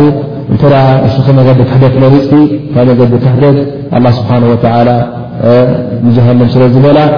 ምእንታይ ኢሉ ንዓኺ ዘና ኣይፈትወትን እዩ ስለዚ እስኺ ደኣ ባዕልኺ ቀጥልኪታ ፅንዕቲ መገዲ ሓዚ ብላ ማለት እዩ ረሱል ስ ሰለም ንበላውነት ኣጓሎም ኣጠንቂቖምና እዮም ስለዚ እዚ ካብ ኮነ እስኻስ እንታይ ጌርካ ነዛ ስድራ ቤትካ እንስኻ ምስ ሰበይትኻ ኹን እስኻ ሰበይትኻን ሓደ ክልተ ደቅኻ ወይ ውን እንስኻ ምስ ኣቦኻ ምስ ኣዴኻ ምስ ኣሕዋትካ ዘለካ ላቤት እንታይ ቀሪብካሎም እንታይ ከ ጌርካሎም መገዲ ሓቂ ከ መሪሕካዮም ዶ ካብ እከይ ከ ኣጠንቂቕካዮም ዶ እዚ ሕቶ እዩ ኩላህና ክንሓቶ ዘለና እዩ ኣነስ ነዛ ስድራ ቤተይ እንታይ ጌረላ እንታይ ዓሊመዮም እንታይ ረድየዮም እንታይ ከ ዘይገበርኩሎም ኢልካ ንነብስኻ ሕተታ ምናልባሽ ኩላህና እንተ ሓቲትና ነብስና ኣላሁ ኣለም ዳርጋ ዜሮ ኢና እንረክብ ስለዚ ቀዳምነት በዛ መዛና ክንጅምር ኣለና ክንጅምር ከለና ድማ ትቐንዲ መገዲ ሓቂ ዝመርሕ እንታይ ዩ እቲ ፍልጠት እቲ ዕልሚ እዩ ስለዚ ኣብ ውሽጢ ገዛኻ ኣብ ቤትካ ንእሽተይ ሓለቃ ወይ ከዓ ኣብ ሰሙን ኮፍ ትብሉላ ቁርን ትቐርኡላ ወይ ሓዲስ ሓፍዙላ ወይ መውዒዛ እተ ኣልሓምዱላ በዚ ሎሚ ምናልባሽ ሓደ ዕልሚ የብለይን እቲ ወደ ዕልሚ የብለይን ታጓለ ዕልሚ የብለ እተኣና ኮይና ኣብ ብዙሕ ነገራት ብካሴት ኮይኑ መፅሓፍ ኣምፅካ መፅሓፍ እናንበብካ መፅሓፍ እናቀራእካ ክታብ እናቀራእካ ገለ ዕሊ ክትረክብ ትኽእል ኢኻ ስለዚ ሰሙናዊ ይኹን ኣብ ሰሙን ክልተሻዕ ከም ዘለካ ግዜ ፍሉይ መዓልቲ ክትገብር ዕልሚ ክትህብ ወይ ከዓ ነዚ ኣብ ውሽጢ ገዛ ዘሎ ክትዕልም እዚኣ ቀንዲ ነገር ትኸውን ማለት እዩ ምክንያቱ ምናልባሽ ኣብ ገለገለ ሃገራት ኣስላም ተይኣሉ ኮይኑ ሓደ ሰብ ናይ ታዕሊም ነገር እውን ብብዝሒ ይረክብ ይኸውን ኣብ ቤት ትምህርቲ ናይ ፋሕፊ ናይ መድረሳ ናይ ገለ ይርከብ ይኸውን ኣብ ገለ ገረ ሃገራት ግን ምናልባሽ እዚ ዕድል እዚ ዘይረኽቡ ብዙሓት እዮም። እቲ ትምህርቲ እንተ ክኸድ ኮይኑ ኣብቲ ትምህርቲ ናይ ዲን ታዕሊም ኣይትርከበሉ እቲ ዘለዎ ቦታ ምናልባሽ ዓዲ ስላም ኣይከውንን ቶም ዘለዉ ስላም ውሑዳት ይኮኑ እዚ ቆልዓ እዚ እዛ ጓል እዚኣ ንታዕሊም ናይ እስላም ትምህርቲ ናይ እስልምና ንክወስዱ ዕድል ኣይክረኽቡን እዮም ወይ ከዓ እቲ ዘለዎ ቦታ ርሑቕ ይኸውን ኣብ ዝኾነ ቦታ ዕልሚ እውን ኣይክርከብን እዩ ስለዚ እንታይ ገብር ዚ ከምዝኣመሰለ ነዛ ስድራ እዚኣ ናይ ግድን ውሱን መዓልቲ ኣብ ገዝኡ ከምህራን ክዕልማን ግዴታ ይኸውን حتى الرسل صلى اله عيه وسلم أسحاب النب صى الله علي وسل ب ደቂ نትዮ مፅ ደ ዜ يا رسول الله غلبنا عليك الرجال فجعل لنا يوما من نفس يا رسول الله زس ካن سم سዒرو ስለዚ ሓንቲ መዓልቲ እስቲ ወላ ግበረልና ቁሩብ ዕልሚ ትህበና ትዕልመና ይብሎም ማለት እዩ ፈረሱ ስ ሰለም እዎ ሓቂ ክላክል ንክብሉ መዓልቲ ፈሊሎም ንኣያን እውን ይዕልምን ነይሩ ፈረሱ ስ ሰለም ነቶም ክወፃ ዘይክእላ ኣብ ገዛ ዝውዕላ ደቂ ኣንስትዮ ንኣያን እውን መዓልቲ ገይሩ የምህሮም ነሩ ስለዚ ስሓ ውን ኣብ ገዛ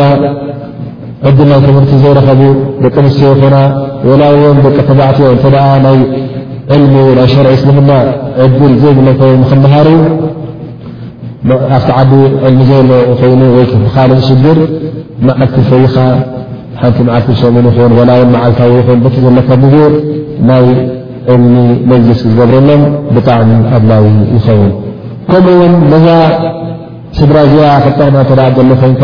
ካልእ መገዲታት ካልእ ስድታት ክትጥቀም እተ ኮንካ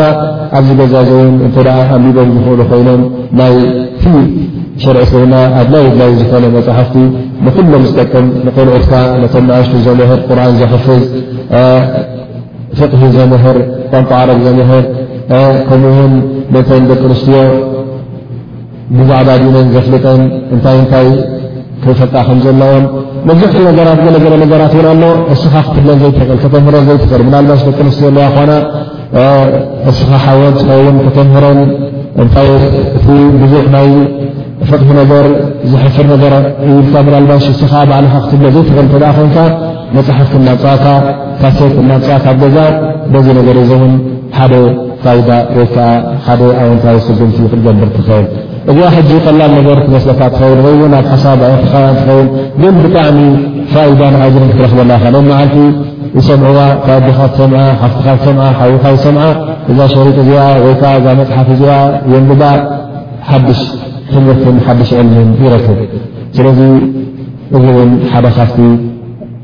ክትጥቀሞ ዘለካ ኣገባብ ነዛ ስድራ እዚኣ ክትመርሓን እዛ ስድራ እዚኣ እስላማዊ መንገዳ ሒዛ ንክትከይድ ኣብ ውሽጢ እዚ ስድራ እዚ ድማ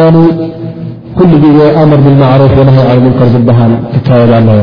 ገዛ እንተ ተረኺቡ ገዛ ከም ምዃኑ ክትገልፅ ኣለካ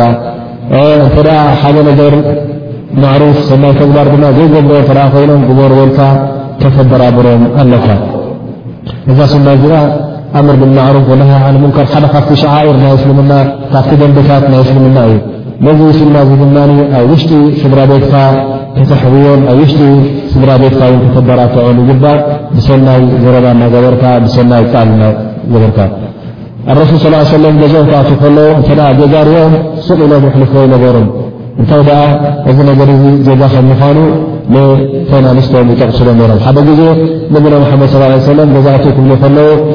ሰይድ ዓይሻ ረድ ላሁ ዓንሃ መጋረጃ ገዚኣ ማለት እዩ ኣብቲ ገዛን ጥቅዖላ ማለት እዩ እዚ መጋረጃ እዚ ድማ ስእሊ ነይርዎ ስእሊ ማለት ናይ ሩሕ ዘለዎ ስእሊ ስለ ዝነበሮ ኣረሱል ስ ለ ሰለም ንኡ ምስ ረኣዩ እንታይ እዩ እዚ ደኣ ዓእሻ ኢሎም መምፅኦም ነዚ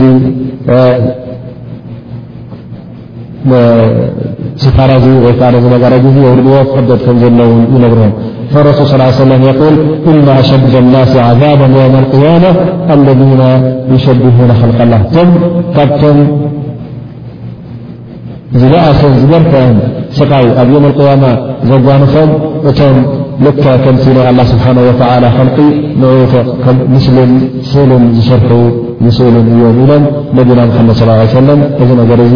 ናይ ስእሊ ምጥቃ ኣብ ገዛ ጌጋ ከም ምዃኑ ዝነግርዎም ማለት እዩ እስኻ እውን ኣብ ገዛኻ እንተ ከም ዝኣበሰለ ምንከር ናይ ስእሊ ይኹን ናይ ሙዚቃ ይኹን ናይ ካልኦ ነገራት ምከራት ትዳሪኢኻ እዚ ነገር እዚ ምንከር ዩ ኣይትግበርዎ ክትብል ኣለካ እንተ ሓላፍነት በዓል ሓላፍነት ኮንካ ማለት ኣቦ ገዛ ናካ ኮይኑ ባዕልኻ ብኢትካ ውን ነቲ ምንከር ክተልግሶ ትፈል ትኽእል ኢኻ ግን ምናልባሽ እስኻ ኣብዚ ገዛ እዚ ወደም ትኸውን ኣቦኻ ኣሎ ኣዴኻ ኣላ ብምታ ካጥቀም ብሰናይ ቃር ገርካ ብምኽሪ ገርካ እዚ ነገር እዚ ቅቡል ከምዘይ ምዃኑ ኣላ ስብሓን ወላ ከምዘይፈትዎ ነቢና ሙሓመድ ለ ለ ሰለም ን ከም ዘይፈትዎ እዚ ነገር እዚ ትግበርዎ ካብ ዝበልና ኢልካ ምኽርን ዳዕዋን ተካይድ ማለት እዩ። እዚ እውን ኣብቶም ናሽቱ እውን ወላ ህፃናት ዝኾኑ ወላድካ ደቂ ኣርባዕተ ሓሙሽተ ዓመት እንከለዉ እዚ ዓይነት እዚ ጠባየት እውን ክትሰቕረሎምን ክተምህሮምን ፅቡቕ ይኸውን። ንኣብነት እዞም ቆልዑት እዚኦም ሓደሓደ ግዜ ምስ ካልእ ቆልዑት እና ዝተሓዋወሰ ኮይኑ ምናልባሽ ሓደ ቆልዓ ሕማቕ ዘረባ የውፅእ ክፃረፍ ዝሰምዐ ይኸውን እሞ ነዚ ወድኻ ሕጂ ወይካ ነዛ ጓልካ እንታ ተተምህሮም ኣለካ ከምዚ ዝኣመሰለ ቃል እተ ሰሚዕኩም ነዚ ሰብ እዚ እከይ ምዃኑ ሓራም ይበልዎ ኣብ ክንዲሲኹም ትጸርፍዎ ጸርፊ ትመልስሉ ሙንከር ከም ምዃኑ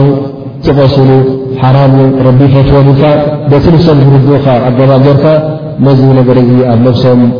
ክትምልምሎ ኣለካ ክተብ ምኽንያት ሰብ እዚ ወይከዓ እዚ ቆልዓ እዚ ብንእሽትኡ እተ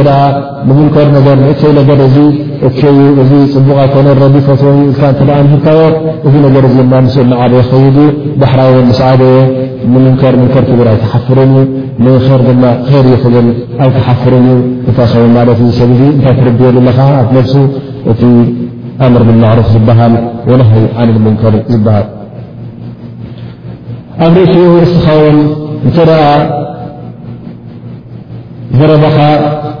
ቅቡል ክኸውን ኮይኑ መገዲ ሓቂ እየ ዝበርሓኩም ኣለኹ ኣነ ዕድሚህልኩም ኣለኹ ኣነ ንር እየ ዘለኹም ዘለኹ ትብል እተ ኮንካ መልሓስካ እኹል ኣይኮነን እንታይ ደኣ ብግብሪ እውን ክትር ኣለካ ኣርኣያ ክትኮኖም ኣለካ እቶም ናእሽቱ ይኹኑ እቶም ኣሕዋትካ ወላ ውን እቲ ቦኻ እንተ ትመክሮ ኣለካ ኮንካ ነቦኻ ይኹን ንሓፍትኻ ንሓውኻ መገዲ ሓቅን መገዲ ኸይርን ትሪኦም ኣለካ ኮንካ ናይ ግድን ኩሉ ግዜ ንስኻውን ክትጥንቀቕ ኣለካ ንኦም ኣርኣያ ክትኮኖም ኣለካ ካብቲ ሽብሃ ዘለዎ ነገር ካብቲ ሓራም ዝኾነ ነገር ውን ክትርሕቕ ኣለካ እስኻ ኣቦ እውን ኩን ሓው ኩን እንተ ባዕልኻ ነቲ ከይትገብረልኻ ኮንካ ብድሕሪ ሕጂ ከም ቆልዑኻ ከም ደቅኻ እውን እንተ ትፃረፍ ሕማቕ ዘረባ ክተውፅእ ሰሚዖምኻ ደድሕሬኻ ንሶም ተቓልቲ ክደግምዎ እዮም። ነዚ ቃል እዚ ክብልዎ ከለዉ ሰብ ድማ እንተ ስቕ ኢልካ ትሰምዖ ኣላ ኮንካ ምኽንያቱ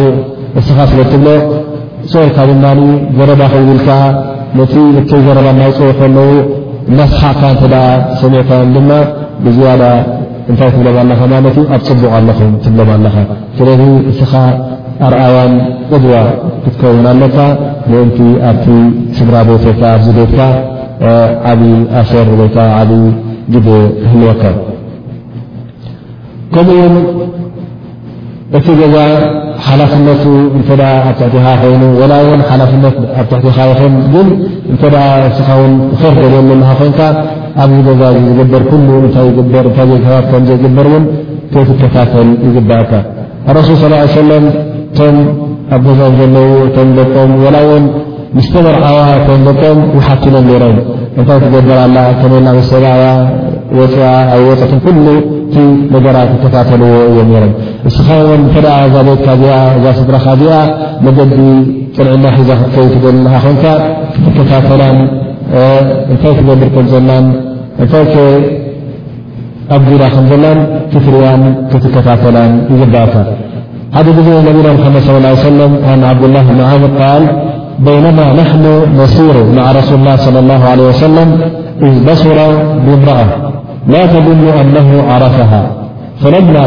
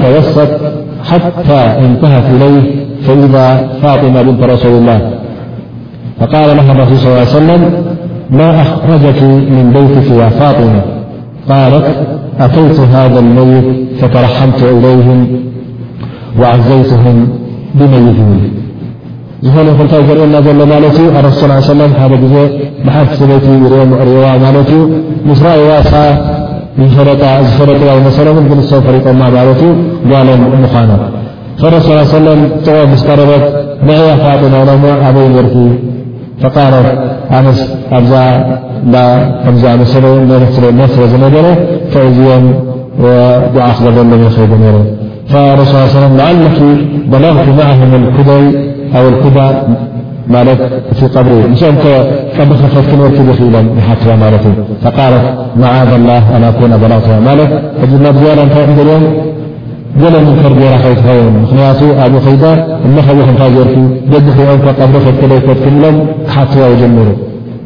እፋ ድማ ከምዘይከደት ትገልጸሎም ማለት እዩ እዚ እንታይ ዘርእየና እቶም ስድራኻ እንታይ ገብሩ ከም ዘለዉ ክትፈልጥ ከም ዘለካ ክወፁን ክኣቱን ናበይ ከዱ ወከይዶም ከ ንሰናይ ነገር ዶም ዝኸዱ ዘለዉ ወይ ኣብኡ እውን ሙንከር ይገብሩ ኣለዉ፣ ገለ ቢድዓ ነገር ይገብሩ ኣለዉ፣ ኣላ ዝፈቶ ስራሕ ይገብሩ ኣለዉ። እዚ ኩሉ ወተባዕታ ይኹን ጓል ኣንሰይቲ ናይ ግድን ኣይኮነን። እታ ጓል ምናልባሽ እቲ ወዲ እውን ክጋገ ይኸእል እዩ፣ ምናልባሽ እታ ጓል እውን ክትጋገ ትኽእል ስለ ዝኾነት ኩሉ ክትከታተሎ ከም ዘለካ ዓብዪ ምስ ንእሽተይ ክትርስዕ የብልካን። ግን ኣብ ርእሲ ምድላሉ ኣነስ እዛ ስድራ ቤተይ ሓለዋ እየ ዘለኹ ምንም ዝኣተወኒ የብለይን ምንም ኩሉ ግዜ ዘምህሮም ኣለኹ ኩሉ ግዜ ድማ መገዲ ኸይር የፍልጠዮም እየ ኢልካ ውን ክድቅስ የብልካ ምኽንያቱ እቲ ነዞም ደቅኻ ነዞም ኣሕዋትካ ወተነ ኣሕዋትካ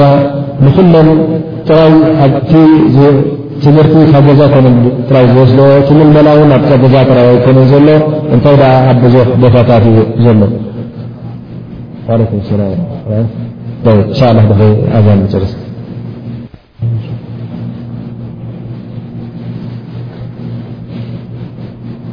ከምቲ ዝበልናዮ ስድራ ብ ሓንቲ ስድራ እንተ እቲ ናይ ተርብያ ወይከ እቲ ናይ ምመላ ነገር ጥራይ ኣብ ውሽጢ ገዛ ኣይኮነን ዝካየድ እንታይ ደኣ ካብ ደገ ውን ገለ ነገር ክኣትዋ ይኽእል እዩ ምኽንያቱ ኣብ ገዛ ኩላ ና ተዓፅና ኮና ንውዕል በዓል ስራሕ ስራሕ ኣለዎ በዓል ትምህርቲ ትምህርቲ ኣለዎ ካብቲ ገዛ ውን መዕረፍቲ ኢልካ ትወፅእ ኢኻ መዕርፉ ክረክብሉ ዝወፅእ ኣሎ ብዙሕ ነገራት ኣሎ ስለዚ እቲ ካብ ደገ ዝወስድዎ ትምህርትን ካብ ደገ ዝወስድዎ ጠባያትን እውን ክትግደሰሉ ኣለካ ቀዳማይ ነገር ብዛዕባ ናይ ቤት ትምህርቲ ማለት እዩ ዝኾነ ይኹን ኣቦ ደቁ ዕድሚ ትምህርቲ እን ኣኪሎም ናበይ ዝሰዶም ማለት ዩ ንቤት ትምህርቲ እዩ ዝሰዶም ቤት ቤት ትምህርቲ ክትሰዶም ከለካ መጀመርያ ነታ ነስሒ ክትሓት ኣለካ እዛ ቤት ትምህርቲ እዚኣስ እንታይ እያ ተምህሮም እዛ ቤት ትምህርቲ እዚኣስ እንታይ ዓይነት ፍልጠት እያ ኣከቦም እዛ ቤት ትምህርቲ እዚኣ እንታይ ዝኣመሰሉ ተምሃሮት ኣለዉዋ እዛ ቤት ትምህርቲ እዚኣ እንታይ ዝኣመሰሉ መምሃራን ኣለዉዋ ምኽንያቱ እዞም ኩሎም መምሃራኖም ተምሃሮም እቲ ዝወስዎ ትምህርቲ ኩሉ እዙ እቲ ዝኸይድ ወድኻ ወይከዓ እታ ኣብ እትኣቱ ጓልካ ካብኡ ክትቀስም ስለ ዝኾነት እቲ ቀንዲ ነገር ክትፈልጦ ዘለካ ቤት ትምህርቲ ክትመርፀሎም ኣለካ ማለት እዩ ምኽንያቱ ካብዛ ቤት ትምህርቲ እዚኣ ብዙሕ ዓይነት ፍልጠት፣ ብዙሕ ዓይነት ትምህርቲ እዮም ዝወስዱ፣ ብዙሕ ዓይነት ጠባይ እዮም ውን ዝቐስሙ። እዛ ትምህርቲ እዚኣ ወይ ንኸር ክትመርሖም ትኽእል እያ ወይ እውን ከዓ ንመገዲ እከይ ክትወስዶም ትኽእል እያ። ኣብኡ ኣዕሩኽ ክገብሩ እዮም ዞም ደቅኻ፣ ዘን ደቅኻ መሓዞ ክገብራ እየን። ስለዚ ኣብዚ ሃዋሁ እዚ ክነብሩ ስለ ዝኾኑ ንሽዱሽተ ሰዓት ዝኣክል ሸውዓተ ሰዓት ዝኣክል እውን ኣብዚ ቦታ እዚ ከሕልፎ ስለ ዝኾኑ እቲ ምርጫ ክትመርፅ እንከለኻ ኣበይነይቲ ትምህርቲ እየ ዘእትዎ እዛ ትምህርቲ እዚኣ ንዱንያኡን ንኣኸሮ ትጠቕሞ ድያ ወይስ ተጥፍኦ ያልካ ክትሓስብ ኣለካ ብድሕሪኡ እታ ትምህርቲ ትመርፀሉ ማለት እዩ ሓደ ግዜ ዘረባ ዘረባ ምስ ሓደ ሓውና ካብ ኣብ ኣሜሪካ ዝቕመጥ ማለት እዩ ብዛዕባ ናይ ትምህርቲ ገለ ንዛረብ ነርና እብለኒ ኣነ ገፀይ ትምህርቲ ይሰዶም የብለኒ ማእሳኸም ሓደ ዝሰዶም ክመይ ዘለን ዳኣ ክነብርዮ ናብቲ ዓድቲ ዓዲ ትምህርቲ እናተባሃለ ባሕራዊ ትምህርቲ ናይ ግድን ክምሃሮ ከም ዘለዉ ምስ ይግደድ ይሰብ ይብሎ ማለት እዩ ሓቅኻ ኣለኻ ይብል ግን ኣነ ኣብ ገዛ እዮ ዘምህሮም ይብለኒ ምኽንያቱ እተ ቤት ትምህርቲ ሰይባዮም ኩሉ ቲ ገዛ መምህሮም ኩሉ ክፈርስ እዩ እቲ ን ዝዓለማ ኣብ ገዛ ክሉ ክጠፍ እዩ እቲ ኣብ ገዛ ንብሎ ነበርና እዚ ኸይር እዚ ሸር እዚ ረቢፈትወ ዝረቢፈትዎ ንብሎ ነበርና ኩሉ ክምልሰስ እዩ ስለዚ ኣነ ሽዱሽተ ዓመት ዝተዓብኩሉ ኣብ ገዛ ተርብያ ዝገበርክዎ ብሓንቲ ዓመት ኣብ ቤት ትምህርቲ ምናልባሽ ክጠፍኣኒ ስለ ዝኽእል ኣነ ቤት ትምህርቲ ኣየፅፈምን ግን ደዲኦም ገረ ብመምሃራን ገረ ገዛ የምህሮም ኣለኹ መርመራ ክኸውን ከሎ ከይዶም ኣብ ቤት ትምህርቲ መርመራ ገብሩ ላስ እዚኣ ኣኽልትያ እሞ እዚ ኣነስ እዚ ነገር እዚ እሞ ንዓኻ ጥራይ ተገይሩ ወይስ እቲ ሕጊ የፍቅድ እዩ? ወገኒ እዚ ነገር እዚ ንዓና መን ኣገበሮ ንሕናስ ዛንጋቶ ሰብ መን ቆፂሩና ሰብ ግን ኣብቲ ዓዲ እቲ እቶም ኣሜሪካውያን ንገዛእ ርእሶም ኣብቲ ቤት ትምህርታት ዝርከብ ሽግራት ኣብቲ ቤት ትምህርታት ዘሎ ናይ እከያት ብዙሕ ስለ ዝኾነ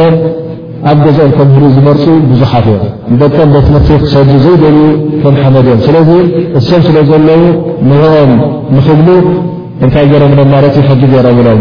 እንተ ኣብ ገዛ ክተምህር ክእለት ኣለካ ኮይኑ ኣብ ገዛ ተምህር መጨረሻ ዓመት ኣብቲ ግዜ መርመራ እዚ ሰብዚ ወይ ከዓ እዛ ቆልዓ እዚኣ ወይ ዝወዲ እዚ ኣብ ቤት ትምህርቲ መፅኡ ኣብታ መርመራ ይካፈል ብእድሎም ይቕፅል ማለት እዩ። ስለዚ እዚ ሓደ ን እተ ከምዚ ከ ዝኣመሰለ ዕድር ኣለካ ኮይኑ ማለት ዩ እዚ ሰብ ዚ እቲ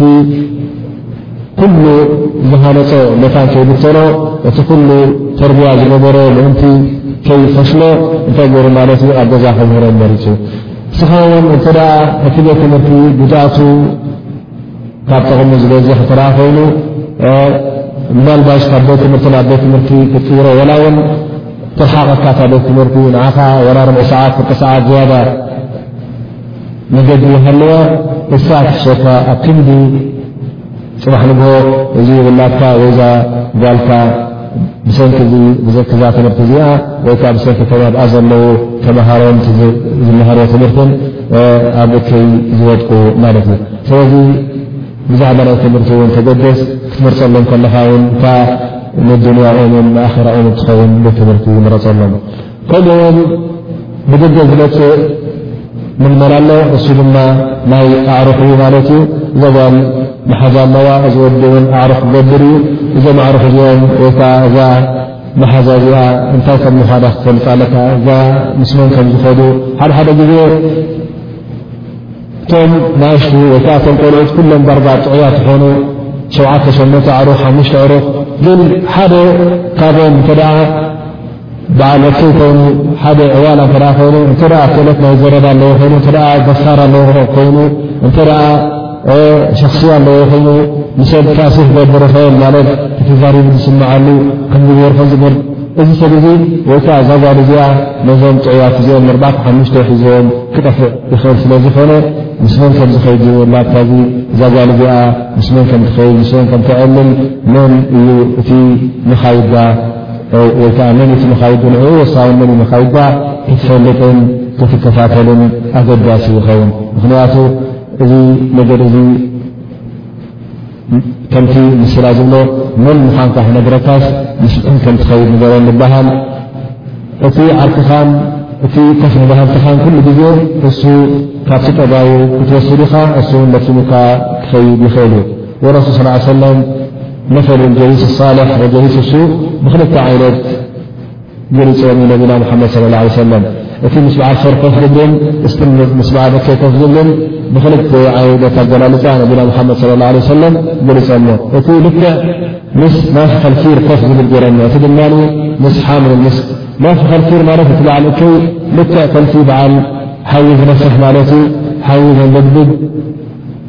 ምስኡ ከም ዝበለ እዚ ሰብ እዚ እንተ ምስ በዓል ሓዊ ሓዊ ዘንደድግድ እሳት ዘንደድግድ እተ ምስኡ ከፍ ኢሉ እንታይ ይገብሮ ማለት እዩ ወይ እዚ ሰብ እዚ ትፍትፍጨ ምስ መፅኡ ወይ እታ ክዳኑ ካብቲ ሓዊ ነጥሮ ክዳኑ የበላሽወሉ ንዓይ ንሐንቲ ገበረ ሓዊ ተንከፋን ግን ምስኡ ከፍ ኢሉ ስለ ዝውዕል ገለ ካብቲ ከይናቱ ይመፆ እቲ በዓል ሰናይ ድማ ከመይ ገረ ዝገልፀ እሞ ምስ ሓምል ምስል ምስ ኮፍ ክትብል ከለካ በዓል ጨና ጥዑም ጨና እተ ኮይኑ እንተ ምስ ኮፍ ኢልካ ትዐልዋ ኣለኻ እዚ ሰብ እዚ እንታይ ግድኣት ከንፃልካ ክእል ወይ ካብቲ ጨና ሃድያ ክበልካ እዩ ወይ እውን ንገዛ ርስኻ ስኻ ጨና ጥዑም ጨና ጨኒካ ትምለስኻ ማለት እዩ ስለዚ እዞም በዓል እከይን በዓል ሰናይን ኮፍ መባህልትኻ ኣየናይ እዩ ከምቲ በዓል ጨና ድዩስ በዓል ሊፍ በዓል ጥዑም ጨና ወይስ ከምቲ በዓል ናይ ኸኸልፊር በዓል እሳት ዝነፍሕ እዩ ስለዚ ትቐንዲ ነገር ትግደሰሉ ዘለካ ውላትካ መን እዮማ ኣዕሪኾም ምስ መን ይኸዱ ኣበይከ ይውዕሉ ክትፈልጥ ኣለካ ኣብ ርእሲኡ እውን ካልእ ነገራት ኣሎ ሻርዕ ኣሎ ሹቅ ኣሎ ክወፅ ከለዉ ምስ መን ይራኸቡ ኣብዚ ጎበና እዚ እንታይ እንታይ ዓይነት ቆልዑት ኣለዉ እንታይ እንታይ ዓይነት ጎረባብቲ ኣለዉኻ እዚ እውን ክትፈልጦ ኣለካ ማለት እዩ ምክንያቱ ገዛኦም ዓፅኻዎም ኣብ ገዝኦም ዕሻን ኣርባዕተን ሰዓት ኣይትውፅእ ክትብሎም ኣይትኽእልን ኢኻ ናይ ግድን ምስ ጎረባብቲ ተናብልስቲ ተነዋርብ ክራኸባ እየን እዚ ውላድ እውን ምስቶም ጎረባብቲ ኣብ ሻርዕ ክወፅኡ ክፃወቱ ገለ ክዕሶ ክፃወት ከድልዮ እዩ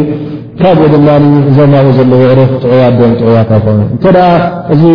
ዞና እዚ እዚ ሻርዕ እዚ ዘይጠቕሙ ቆልዑት ሰብእት እንተ ኮይኖም ወላ ውን ገዛ ተቐይርካ ብዝያዳ ከፍልካ ካብዚ ቦታ እዚ ንደግኻን ንቤተሰብካን ክትሕሉልካ እንተገበርካ እዚ እቲ ዝበለፀ ይኸውን ከምኡ ውን ኣብ ርእሲ እቲ ኣብ ውሽጢ ገዝኻ ኮይኑ ንዓኻ ዝጣየበልካ እስኻ ተርቢያ ናብካ ካልኣይ ተርቢያ ዝህብን በዚ ኣብ ሕጂ ደርጋ ኩሉ ዓለም ኣብ ዝኾነ ገዛ ኣትዩ ዘሎ ቴሌቭዥን ኣሎ ማለት እዩ። እዚ ቴሌቭዥን እዚ ፍቓድ ከይወሰደ ካባኻ ይኣቱ ገዛኻ፣ ምስ ኣተወ እውን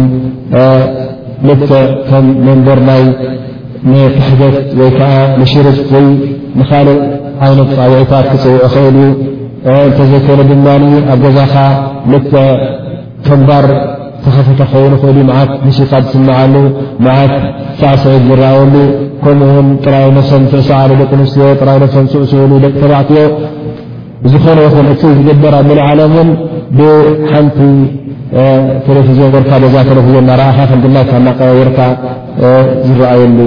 እዋን እዩ ዘሎ ስለዚ እዚ ገዛ እዚ እውን ብስቕኻ ጥራይ ድኻ ትምልምሎን ትምህሮን ዘለኻ ወይስ ካልእ እውን ዝምህሮ ኣሎ እቲ ስኻ እትብሎ ንግሆን ምሸትን ዘፍርሶን ንኡ ዘውድቕን ኣሎ ድዩ ወይ ኩሉ እቲ ስኻ ትብሎ ዘለኻ እቲ ብቴሌቭዥን ሰምዎ ዘሎ ኩሉ ዝተቀዳደወን ዝተራኸበን እዩ ስለዚ እቲ ቀንዲ ነገር ክንፈልጦ ዘለና እዛ ስድራ እዚኣ ንዓኻ ኣንታ ኣቦ ዓባይ ሕድሪ ዓባይ ኣማና እያ። እስኻውን ኣንታ ወዲ ኣንቲ ጓል እዛ ስድራ እዚኣ ትሕቲ ኣቦኻ ወይ ከዓ ብትሕቲ ኣዴኻ ንዓኻ ውን ተርእየካ እያ። ስለዚ ተገዲስካ እቲ ኸር ኣብ ኢድካ ዘሎ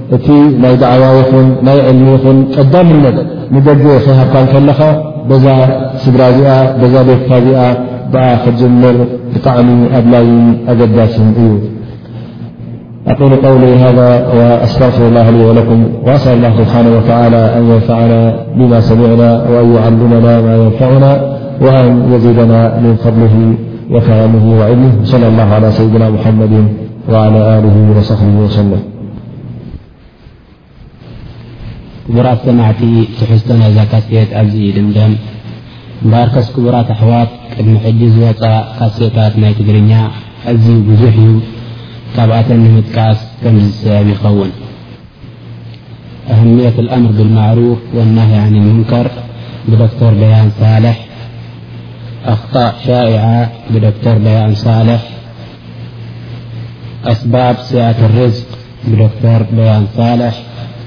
محبة النبي صلى الله عليه وسلم بكر بين صاح الإيمان يصنع الأعاجب بشيخ برهان سعيد الابتلاء في حياة المسلم بدكتر بيان صالح كفى بالموت وعضاء بشيخ عبد العزيز عطاء